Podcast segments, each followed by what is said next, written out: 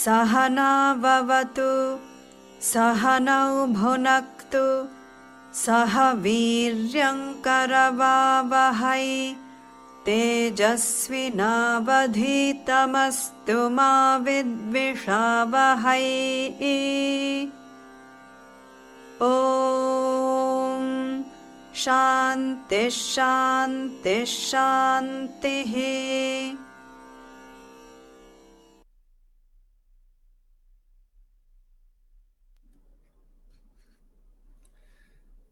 Tak vítejte na další hodině Vedanty, kde budeme probírat Bhagavad Gita. Ale než se pustíme do Bhagavad Gita, tak eh, se určitě zastavíme u hodnot. Určitě jste na pěti, jakou hodnotu jsem zvolil na prosinec. A já s ní s dovolením nezačnu. Ještě se vrátím té hodnotě, kterou jsme probírali předtím že to byla Indriartejšu Bajrágiam. A nakonec jsme uh, docela uh, důkladně probírali vady objektů, protože jsme si říkali, že vlastně ta Vajrágia je následek vyvéky a že tudíž bychom, že vlastně, abychom získali ten následek, taky, že se potřebujeme soustředit na, tu, na to rozlišování nebo na tu véku a že, že v tomto případě eh, se jedná zejména rozlišování mezi pomíjivým a trvalým, i když můžeme samozřejmě i běžně rozlišovat mezi pomíjivými věcmi. Ale to rozlišování mezi pomíjivým a trvalým je důležité z toho důvodu, abychom si uvědomili, co ty pomíjivé objekty vlastně nám mohou či nemohou dát. A Daniela myslím si, že na některém z předchozích se, sezení řekla, že, jsou, že, že jejich vlastně rozená vlastnost je, že jsou umívé, že jsou nestálé. A z toho my jsme si dále uh, vydedukovali, že mají vlastně ty tři vady.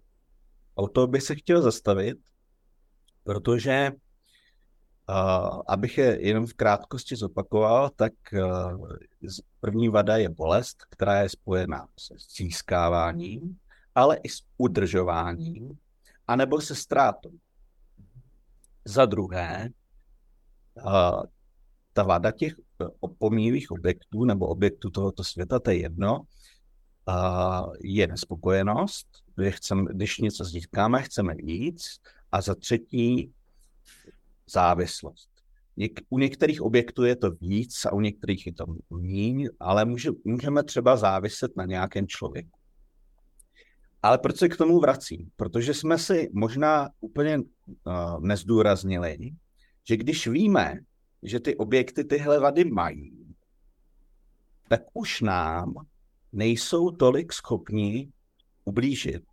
Nebo například v tom prvním bodě způsobit tu bolest. Třeba nám malou bolest způsobí, o to nejde, ale nespůsobí nám nějakou bolest, která by nás ochromila.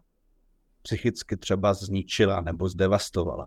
Když víme, že ty, že ty vady tyhle objekty mají. Takže je důležitý vlastně o nich vědět a pak, pak nás nezaskočí. Pak nás například nezaskočí to, když víme, že všechna spojení končí rozpojení což se týká zejména třeba vztahu, ale může se to týkat i mého rozpojení jednou s mým autem například. A nebo když jsme psychicky připraveni cokoliv ztratit. Když víme, že ty věci jsou prostě pomíjivé, že přicházejí a odcházejí. Takže když odejdou, tak nás to nezaskočí, buď vůbec, anebo tolik. Takže to jsem jenom chtěl zdůraznit k té předchozí hodnotě, kterou jsme probírali. Protože když jsme si vědomi těch vád, tak už nám nejsou vlastně tolik, nejsou pro nás tolik nebezpečné. Jako z psychického hlediska samozřejmě. Tak. A teďka teda dá, jakou hodnotu asi tak můžeme mít na prosinec. A na prosinec máme Vivicta D6 Vitvam. A asi tušíte, proč na prosinec. I když teď to tolik nevypadá, protože samozřejmě teď je ještě to hektické období, ale už se blížíme k tomu období klidu, pohody. A proto Vivicta, když to rozklíčujeme, znamená oddělený nebo osamocený. Déša znamená místo a se vytvám je obývat nebo uchýlit se. Takže to překládáme buď, volně to překládáme jako láska k klidnému místu, anebo umění samoty. Umění samoty je možná ještě lepší překlad. A vlastně v čem je ta hodnota? Už jsme to probírali, ale stačí, je dobré se to zopakovat. Ta hodnota je ne ta samota sama o sobě, ale mysl, která je šťastná o samotě. Nebo šťastná či klidná na klidném místě. To je ta hodnota. Což je docela vzácný postoj v současné hektické společnosti. A co to vlastně ta samota je? Samota je čas strávený sám se sebou bez únikových aktivit. A co jsou únikové aktivity? Například jídlo, přejídám si, beru si bramburky, čipsy, sladký a tak dále. Dal, další unikovou aktivitou může být hudba, televize, sociální sítě, smartphone a cokoliv na něm dělám, různé aplika, ap, apky a tak dále. Nebo přátelé, kamarádi, party. A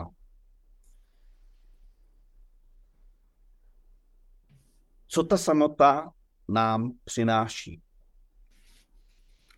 Je to vlastně efektivní, jeden z nejefektivnějších způsobů, jak si, a teďka jdeme od toho nejznešenějšímu k tomu, řekněme, trošku přízemnějšímu, ale pořád velice validnímu.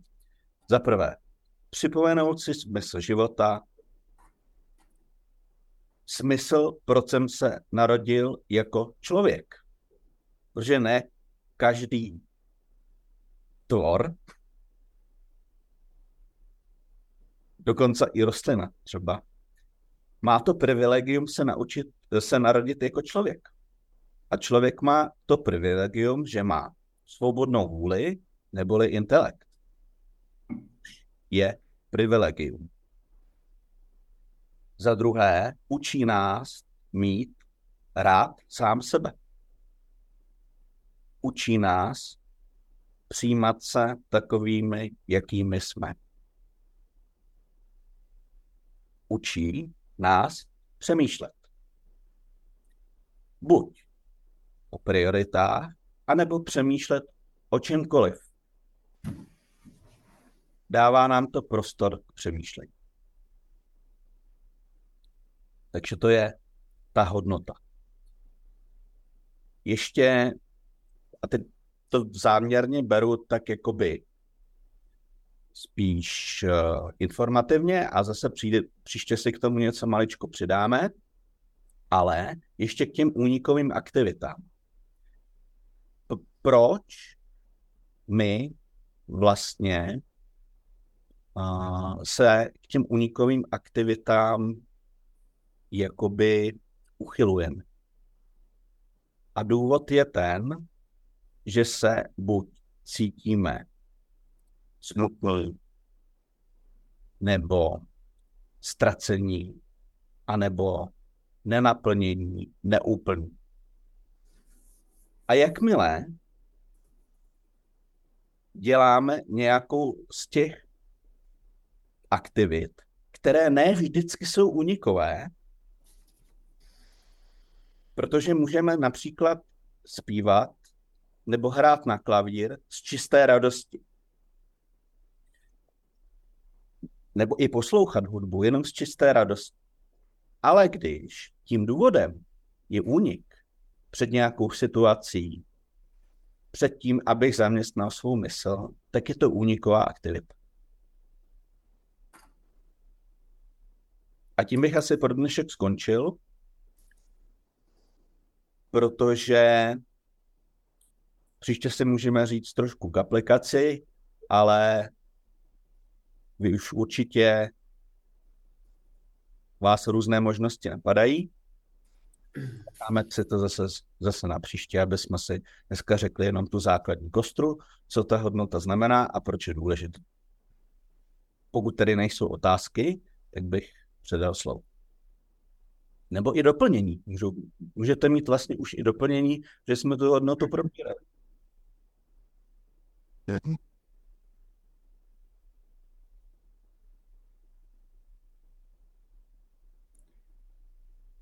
Řekl jsi to pěkně, Honzo, srozumitelně.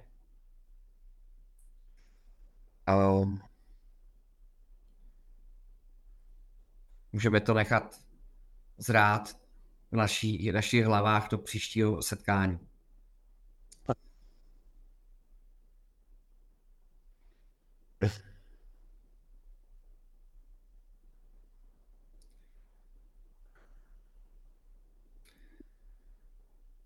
Tak já vás tímto zvu opět našim dvou přátelům, Arjunovi a Krštovi. A určitě si pamatujete, že jsme ještě stále v kapitole druhé, i když už se pomalu blížíme na konec nejdelší kapitoly Gíty. A vzpomínáte si ještě na to téma, které jsme probírali poslední hodinu, dvě? Někdo? Bude? Říkal, že se Krishna snaží toho Arjunu jakoby různým způsobem vyjecovat k tomu, aby jenom aby se jako sebral začal nějak jednat. Mm-hmm. Ano, ano.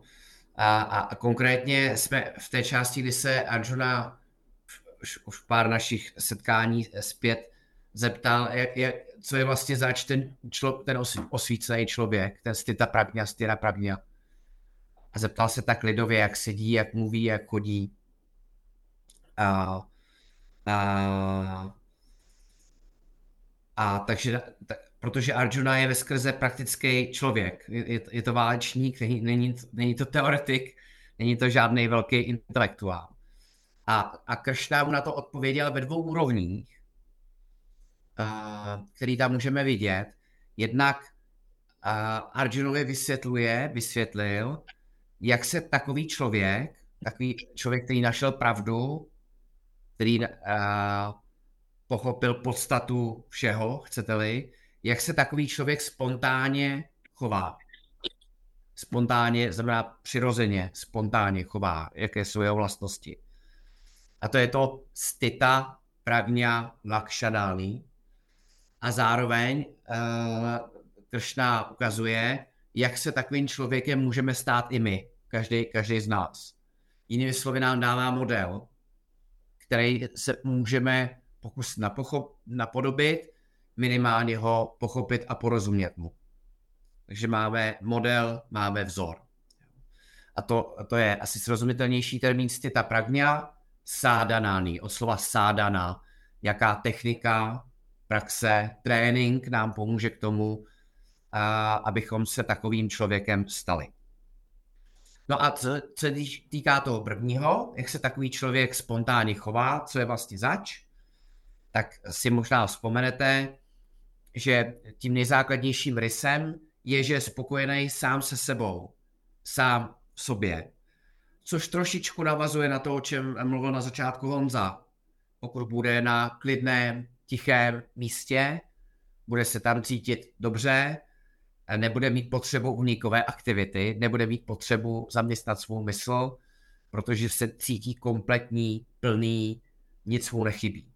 Mimochodem s vámi G to vyjadřuje tím slovem self-sufficient. nemyslí se tím nutně fyzicky self-sufficient, ale, ale je duchovně nebo chcete-li psychicky uh, spokojený sám v sobě. A s tím úzce souvisí, že takový člověk po ničem intenzivně netouží, že nemá ty takzvané závazné svazující touhy. A to jsme vyjádřili tím termínem sarva, káma, tiaga.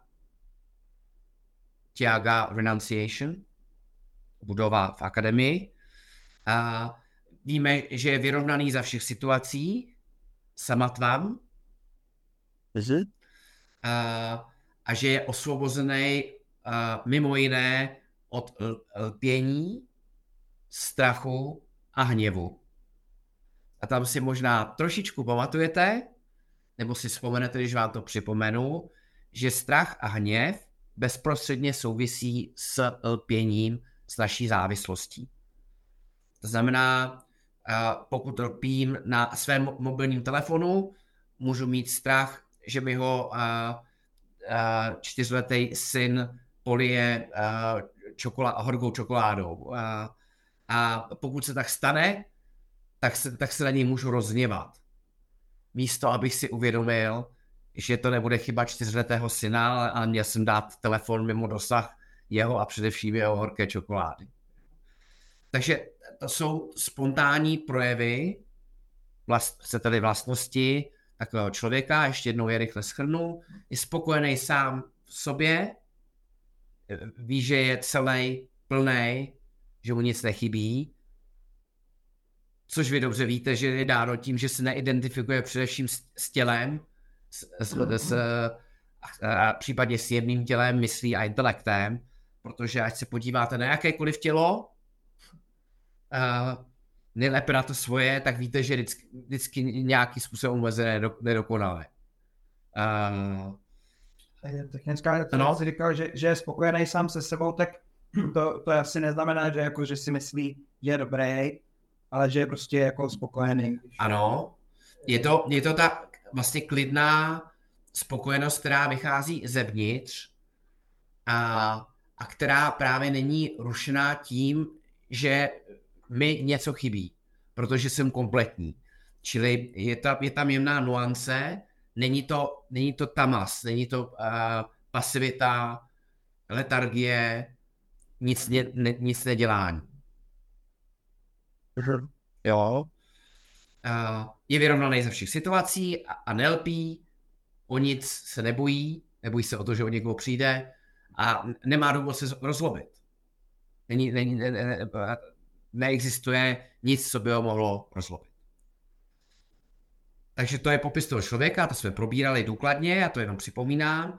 No a teď, teď se Kršna zabývá tím, jak se takovým člověkem stát. A možná, možná, možná si vzpomenete, že, že je tam nějaký postup, že nejprve po té, eh, co studujeme a, a díky přemýšlení, diskuzím, otázkám se staneme pragňa. To znamená, že máme česky řečeno poznání bez pochybností. A to znamená, že takový člověk nejprve naslouchal, případně četl písmo. To je ta fáze, kterou nazýváme šravadám, od slova naslouchat. A, ale ve skutečnosti, když přijímáme jakékoliv informace, tak zároveň s tím v našem intelektu vznikají nějaké otázky a pochybnosti. Takže tak, jak posloucháme, tak sice získáváme data, informace, a ještě k tomu vznikají ty pochybnosti a otázky. A samozřejmě, nebo neřekl bych samozřejmě, my víme, možná, že to není tak samozřejmý, že pro praktický život, pro naši vnitřní transformaci, když máme jenom učení s pochybnostma, eh, tak je nám to stejně dobrý, jako kdybychom nevěděli prakticky nic. Jo. Protože eh, když, když nastane ta daná situace, tak my nejsme schopni uh, praktickém životě to, co jsme slyšeli, to, co jste třeba slyšíte ode mě, uplatnit. Je to jako, je to jako, kdyby uh, tady nebo u vás doma byl, uh, byl nějaký drát od uh, elektriky a elektrikáři tam něco instalovali nebo montovali a, a poprosili vás, abyste ho s tím pomohli, abyste jim to přidrželi a vy se zeptáte, asi si jistý, že v tom není elektrika? On řekne, jsem si jistý. A pak se zarazí a řekne, tak na 99% jsem si jistý. A, tak to pro naše praktické použití ne, není dost dobrý, protože ten drát prostě do ruky předpokládám nevezmeme. Čili tady je potřeba si uvědomit, že vlastně učení Vedanty funguje uh, rozhodně v té jako absolutní míře, ale i v té relativní, pokud je bez pochybností. No, ale ta pochybnost tam jakoby může být v té fázi toho učení. Ta tam nevyhnutelně je. Ta tam nevyhnutelně je. Když člověk jakoby třídí a ujasní a Aha. třeba, tak by šlo víc teda jakoby, by se s tím jakoby zžít, nebo jak jsou ty různý synonymy. Digestovat. Ano, ano. Takže to jsou ty fáze, přesně tak. Nejprve nasloucháme, potom rozptilujeme pochybnosti, buď si nalézáme odpovědi sami, tím, že se vracíme k učení, nebo to trošku jinak přeskládáme, tu skládačku, anebo nám to někdo přímo řekne. No a, ale potom a to ještě pořád nestačí, protože intelekt to ví, a ví lecos, ví toho hodně, ale přesto v běžných situacích naše mysl, naše emo, no, chcete emocionální složka spontánně reaguje. A my jsme používali tu metaforu, je to stejný, jako když uh, sníme jídlo, tak ještě v tu chvilku není uh, pro nás užitečné. Dokonce v krátkém období nás je zatíží, jsme třeba ospalí nebo unavený, nebo je nám těžko. Čili je potřeba, abychom ho zpracovali. Zrovna tak my potřebujeme, nestačí nám přijmout učení na úrovni intelektuální, pochopit ho, ale potřebujeme ho přetavit na, do té úrovně emocí. A tím se bude zejména zabývat uh, potom ta kapitola šestá, Nididhyasana neboli vedanská meditace, setrvání učení. Proto to vysvětluje, že těmi uh, bychom řekli, s Vedantou nečistotami mysli trpí i intelektuálně jako zdatní lidé. Chytří lidé, profesoři, inženýři, uh, uh, trápí i deprese, žárlivost, nejistota, strach a takovéhle věci. A, a takže teď, teď my se zabýváme, budeme se k tomu ještě vracet, a právě tou konverzí z pragňa na stita pragňa. Z toho, že už to vím, už jsem, už jsem rozptýlil veškeré pochybnosti, nebo téměř veškeré pochybnosti a teď, teď se snažím to přetavit tak, abych eh, opravdu uh, vlastně dostal to, co jsem vám slíbil na začátku. To je, to, to, je, to, to, to je ta spontaneita, to je ta pravda. Nic mi nechybí, moje mysl je samotvám, po ničem závazně netoužím, nemám strach, nemám důvod se zlobit a tak, a tak podobně. A, a Kršta na to předepisuje v podstatě tři, tři cvičení, a, nebo tři disciplíny. Ta první nejhrubější je kontrola smyslů. Můžete si to skoro představit, jako kdybyste měli hrát. A první hradba je kontrola našich smyslů, ovládání. Pak je vodost jemnější eh, eh, rovina, nebo chcete říct druhá hradba, a to je kontrola ovládání naší mysli. A pak třetí je nididhyasana. Já udělal kon, takhle kon, kontrolní mrknu na vás. Srozumitelný? Nějaké otázky, komentáře, když, když je vysvětlím trošku? Dobrý. Dobře. Tak dobrý. Tak, uh, dama kontrola ovládnutí smyslu. Probírali jsme několikrát. Je zajímavý, že Krašna na to klade důraz hodně. Hodně. Uh, a už jsme si říkali ten příklad uh, s, s, s tou cedulkou, že bychom si tady měli dát nápis No admission without permission, protože na, naše mysli jsou vlastně, pardon, mysli, smysly jsou brány do naší mysli.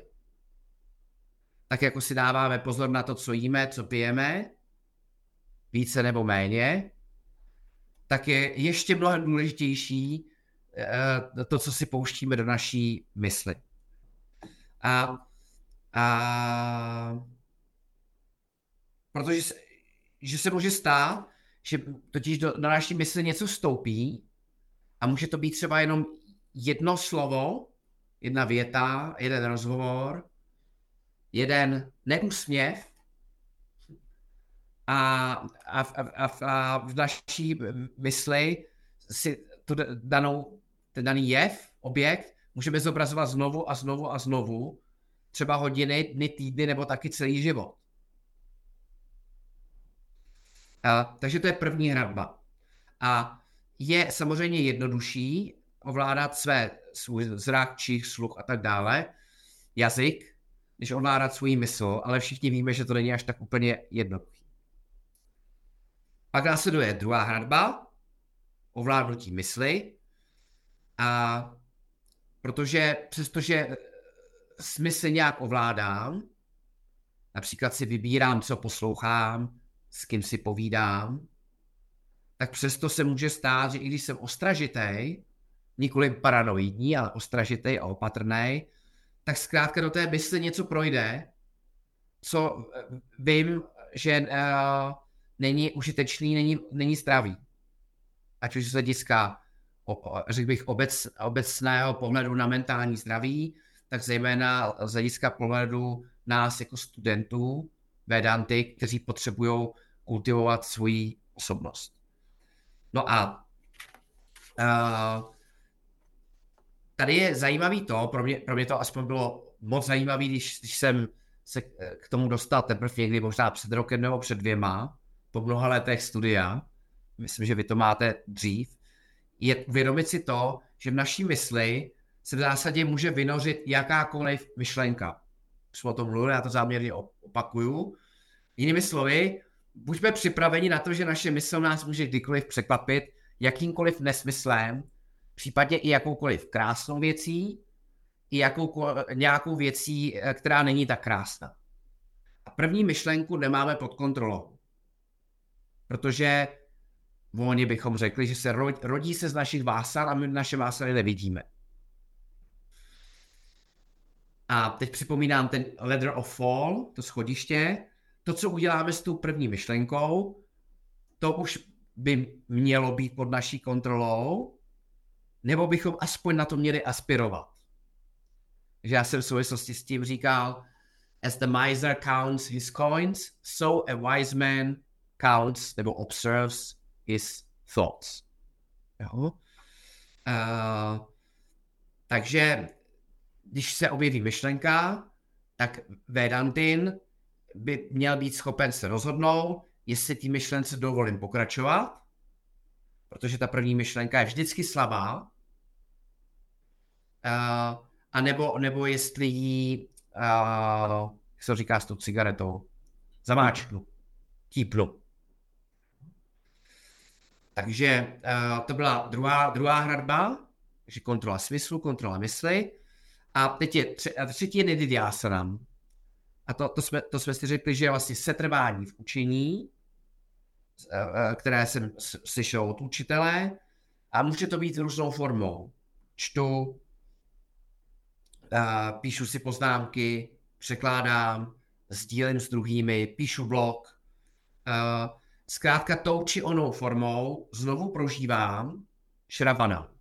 To, co jsem slyšel. A tím, že provádím uh, nididhyasana, tak dochází postupně právě k té transformaci mojí osobnosti.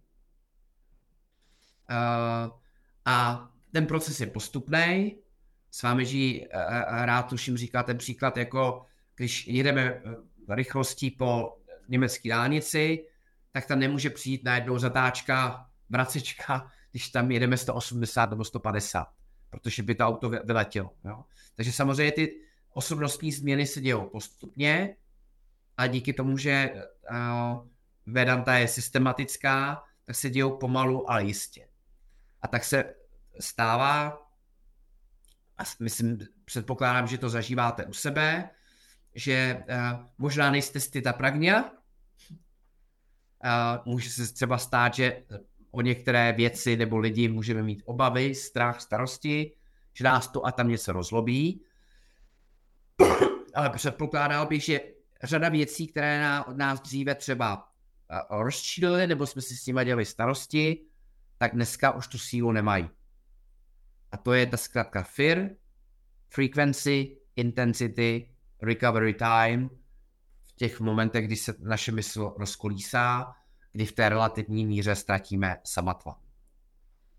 A přestože jsou všechny ty tři disciplíny důležitý, kontrola smyslových orgánů, kontrola mysli a nididhyasana, nididhyasana s dovolením teď přeložím jako setrvání v učení, tak Kršna v této části hlavně zdůrazňuje kontrolu smyslových orgánů.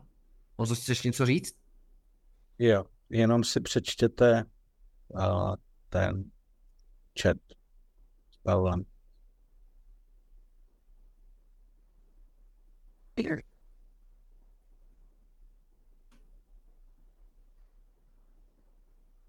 Stop. I to vidíš, až se dívat do kamery. Až no, až se rozlišovat svýma koní. dobře, dobře, dobře, Jo. Děkujeme. Hmm. A když už teda jsem měl něco říct, tak jsem jenom chtěl říct, že jak, jsme, jak se říkalo to típnutí, ty první myšlenky, protože ne, ne každou myšlenku samozřejmě potřebujeme típat. V, mm-hmm. v rámci Nidy Diasany je dobrý eh, to učení, eh, myšlenky na, tu, na, tu, na to učení netípat. Ale že angličtina proto má hezký výraz nip in the butt. Mm-hmm. Ano. Mm-hmm. Tak Honzo, jestli můžeš, děkuji, pustit 64, pokud tam něco takového máš. Můžu ještě jenom rychlou otázku, jenom... Ano. Jo, jenom e, není tam, nedá se na tam meditace konečná? A, ano, hele, přesně tak. Nididhyasana je vedanská meditace. A může říct konečná, a, detailně rozebíraná v šestý kapitole. A, ovšem, a je, je to ta formální meditace popisovaná v osmi krocích. Včetně toho, jak sedíš, kde sedíš, v jaký čas sedíš, jak decháš a postupně se zasoustředíš, udržíš pozornost a se trváš uh, v toku myšlenek na ten daný objekt, v tomto případě obvykle Atma Brahma. To je, to je nididhyasana v pravém slova smyslu. A nicméně zrovna tak můžeme, a je to, je to, je to relevantní a hodnotní hovořit o nididhyasana mnohem volněji, kdykoliv se trvávám v učení, provádím nididhyasana. To znamená, že de facto, když, když Honza hovoří o hodnotách, nebo já, já vám tady uh, schrnuju druhou kapitolu, tak pro mě je to nididhyasana. Protože už jsem to slyšel moc krát, moc krát jsem nad tím přemýšlel, uh, obvykle tam nemám pochybností, ale tím, že vám to aktivně vysvětluju, tak je to forma nididhyasana. Štěpáne. Jo, děkuji. Takže je to prostě soustředění, dá se říct. Jo, nedá se na soustředění a i ta meditace zároveň. Je to jeden termín pro... Ano, protože, pro... protože uh, ta meditace, tak jak se Saní zeptal, ten meditující, uh, uh, to není tak, že by byl, to, to myslím, že tak vnímáš, byl bez myšlenek, ale, ale on si vybaví uh, zejména tu část kapitoly 2, verše 12 až 25, a uvědomuje si, nejsem tělo. Uh-huh. A protože tělo je objekt mého vnímání. Nejsem myšlenky, jsem ten, to, co sleduje své myšlenky. Uh-huh. A takhle, takhle pokračuje dál. Znamená, ty myšlenky proudí podobným směrem, konzistentně, ale, ale v zásadě se trvává v učení Vedal. Uh-huh. Jo, děkuji mu. Uh-huh. Indro? Já jsem se chtěla zeptat, jestli by Honza našel a český nějaký příměr toho nip in the uh, dip? Butt. Nip in the butt. Já si myslím, že, že to zřejmě, Honzo, můžeš to vyhledat, doslova znamená právě zamášnutí té eh, cigarety. No nebo típnout zárodku, jakoby um, tohle. No, míněno třeba jakoby nějaký ten vyrůstající klíček nebo uh, kvítek, jo, jako vymáčknout, zamáčknout.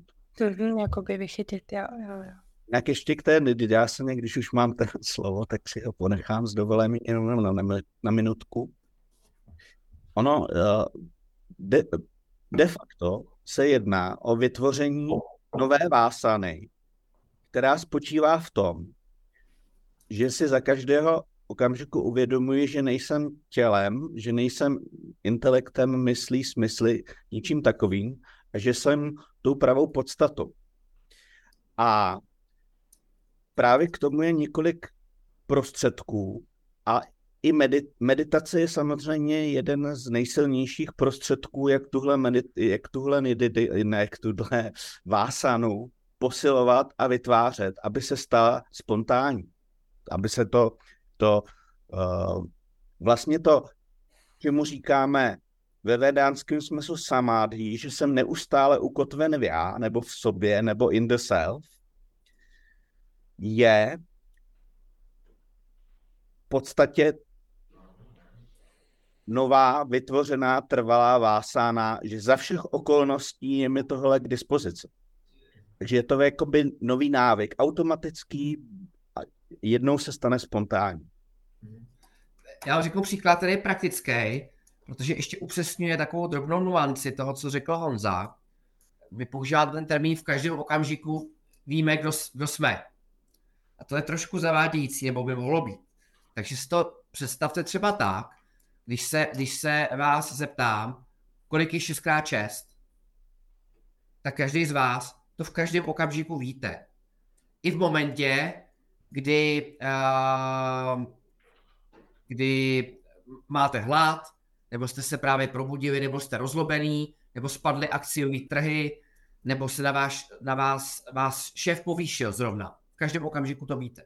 To neznamená, nebo víme, že, že nepřetržitě myslíme na to, kolik je 6x6 od rána do večera, ale, ale že, že tohle to je kdykoliv k dispozici, kdy to potřebuju.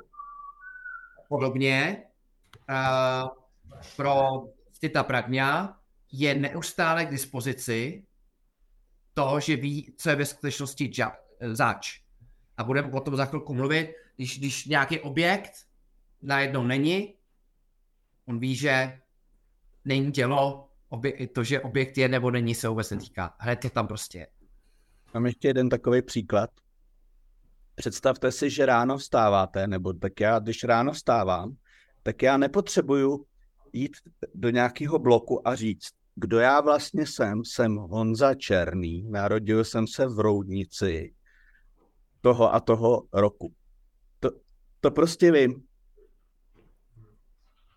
A podobně je to s tím, že vím, že jsem tím pravým já.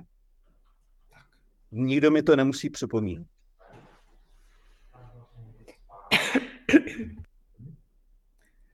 Tak jo, tak pojďme na tu 64. Mám pouštět, jo? Začal DJ.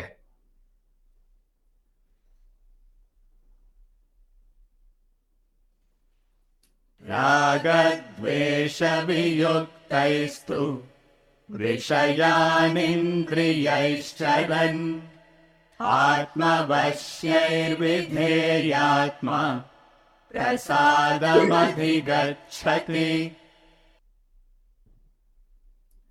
Avšak ten, kdo se ovládá a pohybuje se ve světě smyslových objektů, se smyslovými orgány prostými náklonosti a averze, Rágadvéša, a pod jeho kontrolou dosahuje klidu. To znamená, že uh, můžeme dovolit, dovolujeme našim smyslovým orgánům, aby se pohybovali ve světě, nemusíme nutně sedět někde v jeskyni nebo v, nebo v chatači, ale zároveň jsme obez, obezřetní. Uh, uh, určitě znáte tu metaforu z Katopanishad, kde máme kočár, kočího, opratě, koně, pasažéra. Jde o to, abychom nikdy nestratili kontrolu nad opratěmi a následně nad, nad, nad, nad koni, protože když ji ztratíme, tak nevíme, kam nás to doveze. A, a člověk, který je disciplinovaně, jak říká tenhle ten verš, a má dispozici vyrovnanou mysl, je bez divokých emocí, to neznamená, že by neměl emoce, ale bez divokých emocí. Používá to, co se tuším tady nazývá prasádám a digačaty. Jak bys to Honzo přeložil? Má vyrovnanou mysl, klid mysli? Asi jo. A, a proto Arjuno praktikuje všechny tyhle ty tři sádanas, kontrolu smyslových orgánů, kontrolu mysli a, a nididyasanám, který tě přenesou od pragňa, protože to znáš, už eh, k styra pragňa. Můžeme klidně na další.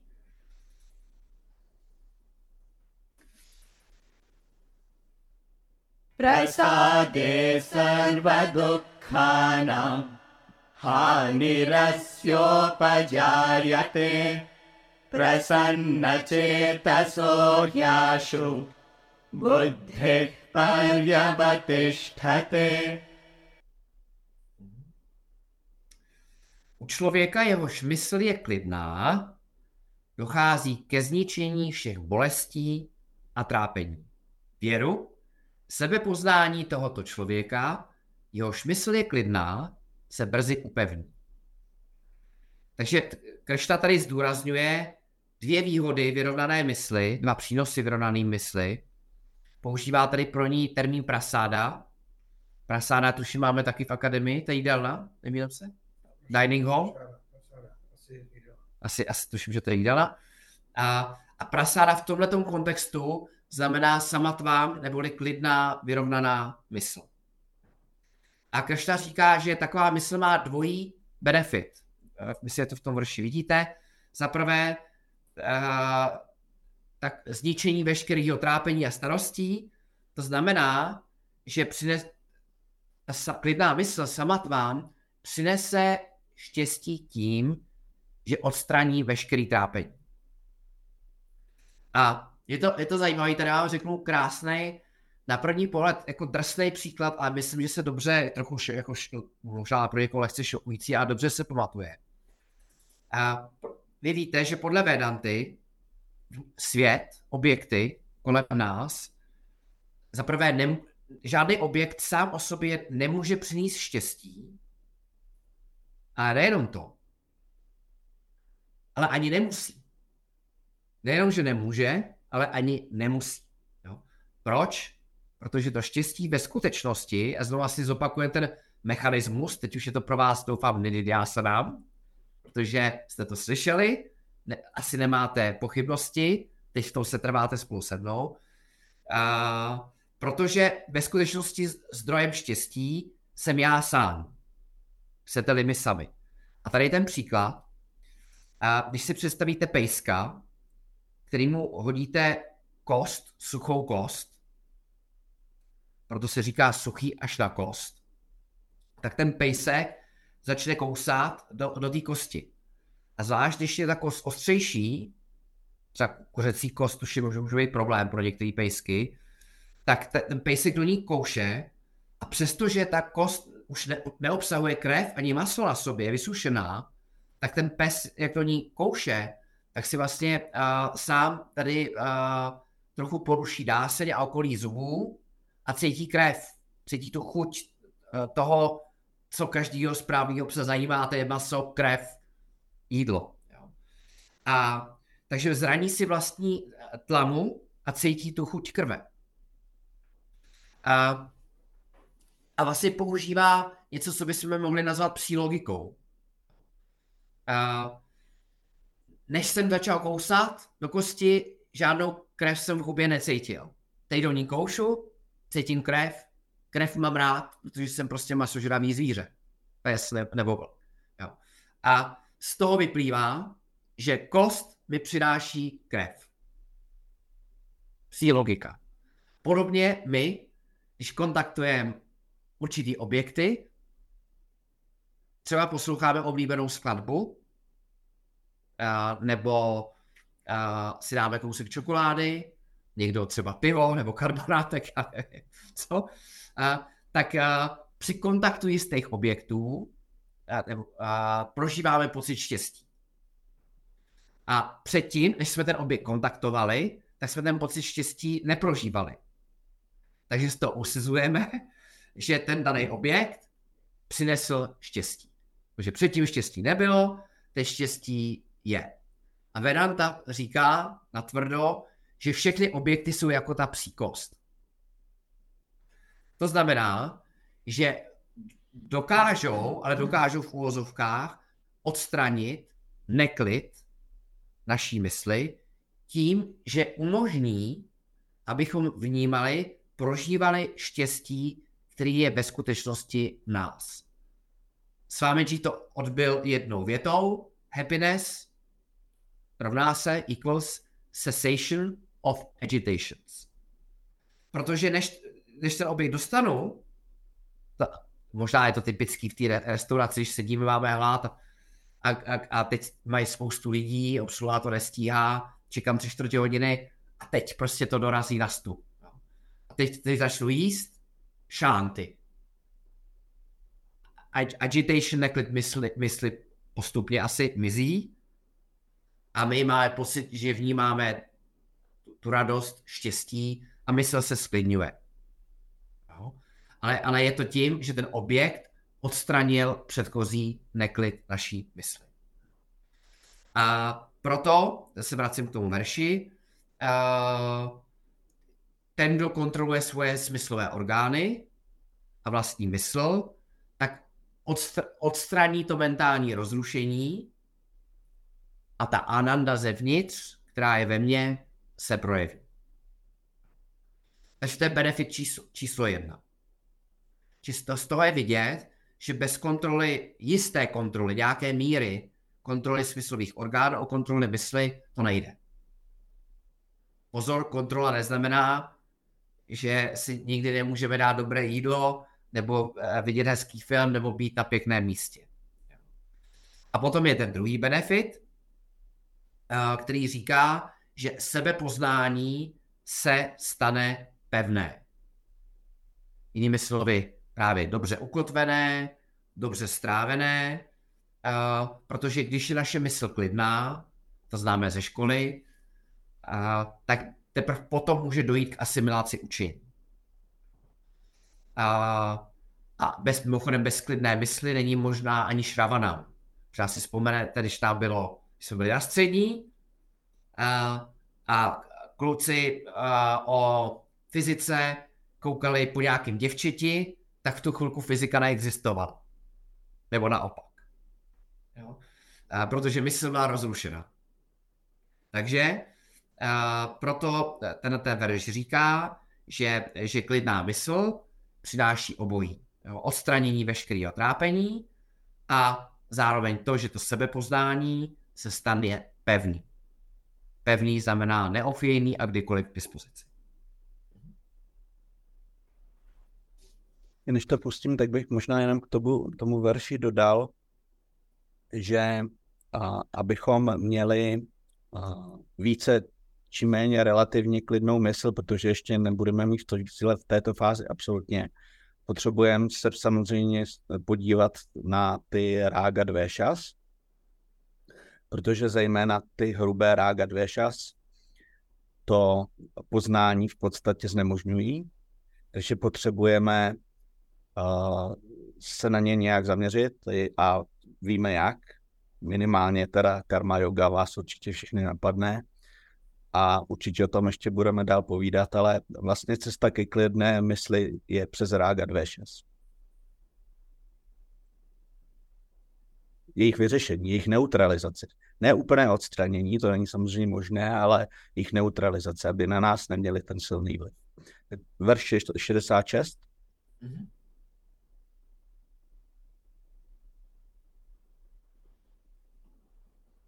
नास्ति बुद्धिरयुक्तस्य न चायुक्तस्य भावना न चाभावयतः शान्तिः अशान्तस्य कुतः सुखम् Poznání nevzniká pro člověka neukázněného, také rozjímání není možné pro neukázněného člověka, není klidu pro toho, kdo není kontemplativní, jak může být šťastný ten, kdo nemá klid. Tohle není moc uh, složitý eh, verš, pokud teda znáte jeho, jeho interpretaci. Hovoří o člověku, který se nazývá Ajukta, a tam to slovíčko se objevuje v jedné složenině. A Ajukta je člověk nedisciplinovaný. To je člověk, který nemá šama, dáma. Chcete-li dáma a šáma. Nemá kontrolu smyslu ani kontrolu mysli. To znamená, že to je nedisciplinovaný člověk, člověk, který nemá žádnou sebekontrolu. A ten verš nám říká celku přímočarou věc, a sice, že pro takového člověka není možná ani šravanám, ani naslouchání, to jsme si řekli například do toho gymnazisty nebo té gymnazistky, není možná ani mananám, Uh, to znamená to, to hledání uh, uh, odpovědí na otázky, které mám. A už vůbec ne nididyasana, setrvání v učení. Ať už to formální, jak se toho dotkl v otázce Štěpán, vedanská meditace, bude probíraná v kapitole 6. anebo setrvání v učení, tak jak třeba společně to děláme teď, tím, že si o, o učení povídáme. A bez, bezklidné mysli, to je ta řečnická otázka na konci verše, uh, jak se vůbec můžeme bavit o nějakém štěstí, o Atma Ananda, protože to štěstí, a vzpomeňte na ten příklad, uh, ten drsný příklad s pejskem a kostí, a potom trošku jemnější příklad, uh, když se sklidila mysl po té, co hladový klient restaurace obdržel po hodině čekání jídlo, tak když, když dojde ke sklidnění mysli, tak teprve v takové mysli se ta, ta, ta Atma Ananda, to štěstí, které vychází ze mě, může odrážet. Protože to štěstí nejenom, že není v objektech, ono není ani v mysli. Protože my všichni dobře víme, že mysl patří mezi objekty. Štěstí jsme my, ale mysl je takový zvláštní objekt, jemný objekt a má schopnost odrážet štěstí, které vychází ze mě. Takže proto ten verš končí tím, říká celkem jednoduchou věc, jak může neklidný, nedisciplinovaný člověk nalézt, štěstí. Myslím, že i bez verše víme, že nemůže, jenom jsme si to trošku lépe vysvětlili. Jenom, jestli můžu jenom krátce se, se to ujasnit. Uh, takže v zásadě tím, že to štěstí je uvnitř nás a touha po nějakém objektu nás odkloní od nás samotných, tak v případě utišení té touhy krátkodobě tím objektem v podstatě dáváme průchod tomu, tomu já a tím pádem zažíváme ten pocit toho dočasného štěstí, jakože krátkodobě zažíváme jo. ten pocit. Ne. Je to tak, jo? Skoro tak, ale v podstatě, kdyby se spodíval, počkej, já si je tady zkusím najít, jestli tě uvidím, trošku tě vidím, jo, jo, já jsi na telefon, nevadí. Je to, je to skoro tak, Štěpán, jako když jsi to představil, já nevím, jestli vidíš můj ruku možná, jo, že ten náš probíhá touha, Neklid mysli roste, roste, roste, dostanu objekt, šánty na chviličku. Uh-huh. No. Dal, další touha, neklid roste, roste, roste, šánty. A teď samozřejmě ty touhy, jich spousta jako běží paralelně a kromě toho všechny ty ostatní, jak my říkáme s, s Vedantou, mentální nečistoty, které zneklidňují mysl. To je ten strach a hněv a tak dále. Ale to přesně jak říkáš, ale na chvilku, když dostaneme na chvilku to, co chceme, tak se naše mysl uklidní. Doslova jako malý dítě, ty máš ještě malý děti, když stojí o nějakou hračku nebo zmrzlinu, nebo sladkůstku a teď to dostanou a dělají scénu, uh, tak na, na chviličku se sklidní. A mysl je jako, jako dítě. Jo, ok, díky. Mhm. Tak jo. Tak Honzo, jestli ještě po, zvládneme 67, ještě máme dva verše, ale už jsou takový jednodušší. इन्द्रियाणां हि चरतां यन्मनोनुविधीयते तदस्य हरति प्रज्ञां वायुर्नावमिवाम्भसि Věru, Mysl, která následuje potulné smyslové orgány, odnáší moudrost tohoto člověka, stejně jako vítr odnáší loď na vodě. Tady se používá metafora, a sice taková, že, že uh, ta uh, Atma Jnanam, chce tady učení Vedanty, učení o já, o mě, o mojí pravý podstatě, je de facto lodička, hezky bychom řekli poeticky prám, který nás převáží od břehu, kdy jsem smrtelný, omezený jedinec, na ten druhý břeh nesmrtelnosti.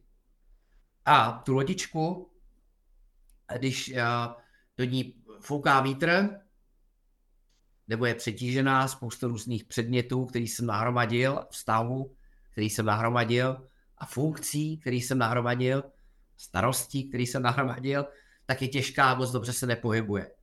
A ta mysl, podobně jako vítr, ji může odvanout někam úplně jinam.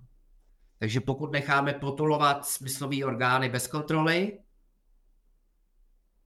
brouzdat po světě, tak jako se třeba pasou ovečky na louce, se rozeběhnou, a, tak oni mají tu sílu, že stáhnou i naši mysl, naše myšlenky a potom nejsem schopný jako námořník, jako ten, kdo se plaví na té lodičce, vůbec určovat směr tam, kam chci doplout. Jinými slovy, opět Kršta zdůrazňuje, že bez kontroly smyslových orgánů, bez dama, nemám šanci na Atma Jana. A pak to Kršna zakončí tuhle část. तस्माद्यस्य महाभावो निगृहीतानि सर्वशः इन्द्रियाणीन्द्रियार्थेभ्यः तस्य प्रज्ञा प्रतिष्ठिता O Arjuno, tasmat, slyšeli jste určitě od Swamijiho, therefore, proto, či Kršna uzavírá logicky celé, říká, proto Arjuno, o Arjuno, proto se poznání člověka, jehož smyslové orgány jsou zcela staženy od smyslových objektů, stává pevný. Uh, to znamená, že Kršta tady uzavírá to, že znovu říká, že pro uh, Vedantina, studenta Vedanty, je ovládnutí smyslových orgánů důležitý. Uh, ovládnutí neznamená potlačení, protože potlačení vede k frustraci, frustrace poškodí minimálně dočasně naší mysl, proto Indria Nigraha je kontrola smyslových orgánů a zrovna tak opačný extrém nechat smysly, ať si dělají, co chtějí, je stejně nebezpečný. Takže je to jako, chcete s, s řekou, s vodou, a když postavím hráz, tak tu řeku ne, ne, nemůžu si myslet, kdyby to byl potůček mimochodem, že ho přehradím na pořád, protože dříve nebo později buď přeteče, nebo se hráz provalí, ale můžu mít tu ambici, tu usměrněnou vodu, energii, pokud ji zachytím, tím, že ne, moje smysly neběhají všude po světě jako ty ovečky, já je nehoním po, po uh, rozlehlých slovenských horách, ale pokud tu energii a vodu, vodu zachytím, tak jsem schopný ji nasměrovat produktivním směrem. Proto Indriya Nigraha spíš eh, znamená usměrnění, kontrola smyslových orgánů. A poznání takového člověka, který má pod kontrolou smyslové orgány, se stane pevný. Stita pragňa nebo styra pragňa. Co tedy je prostor pro otázku, případně i pro odpověď, pokud byste, nebo pro komentář.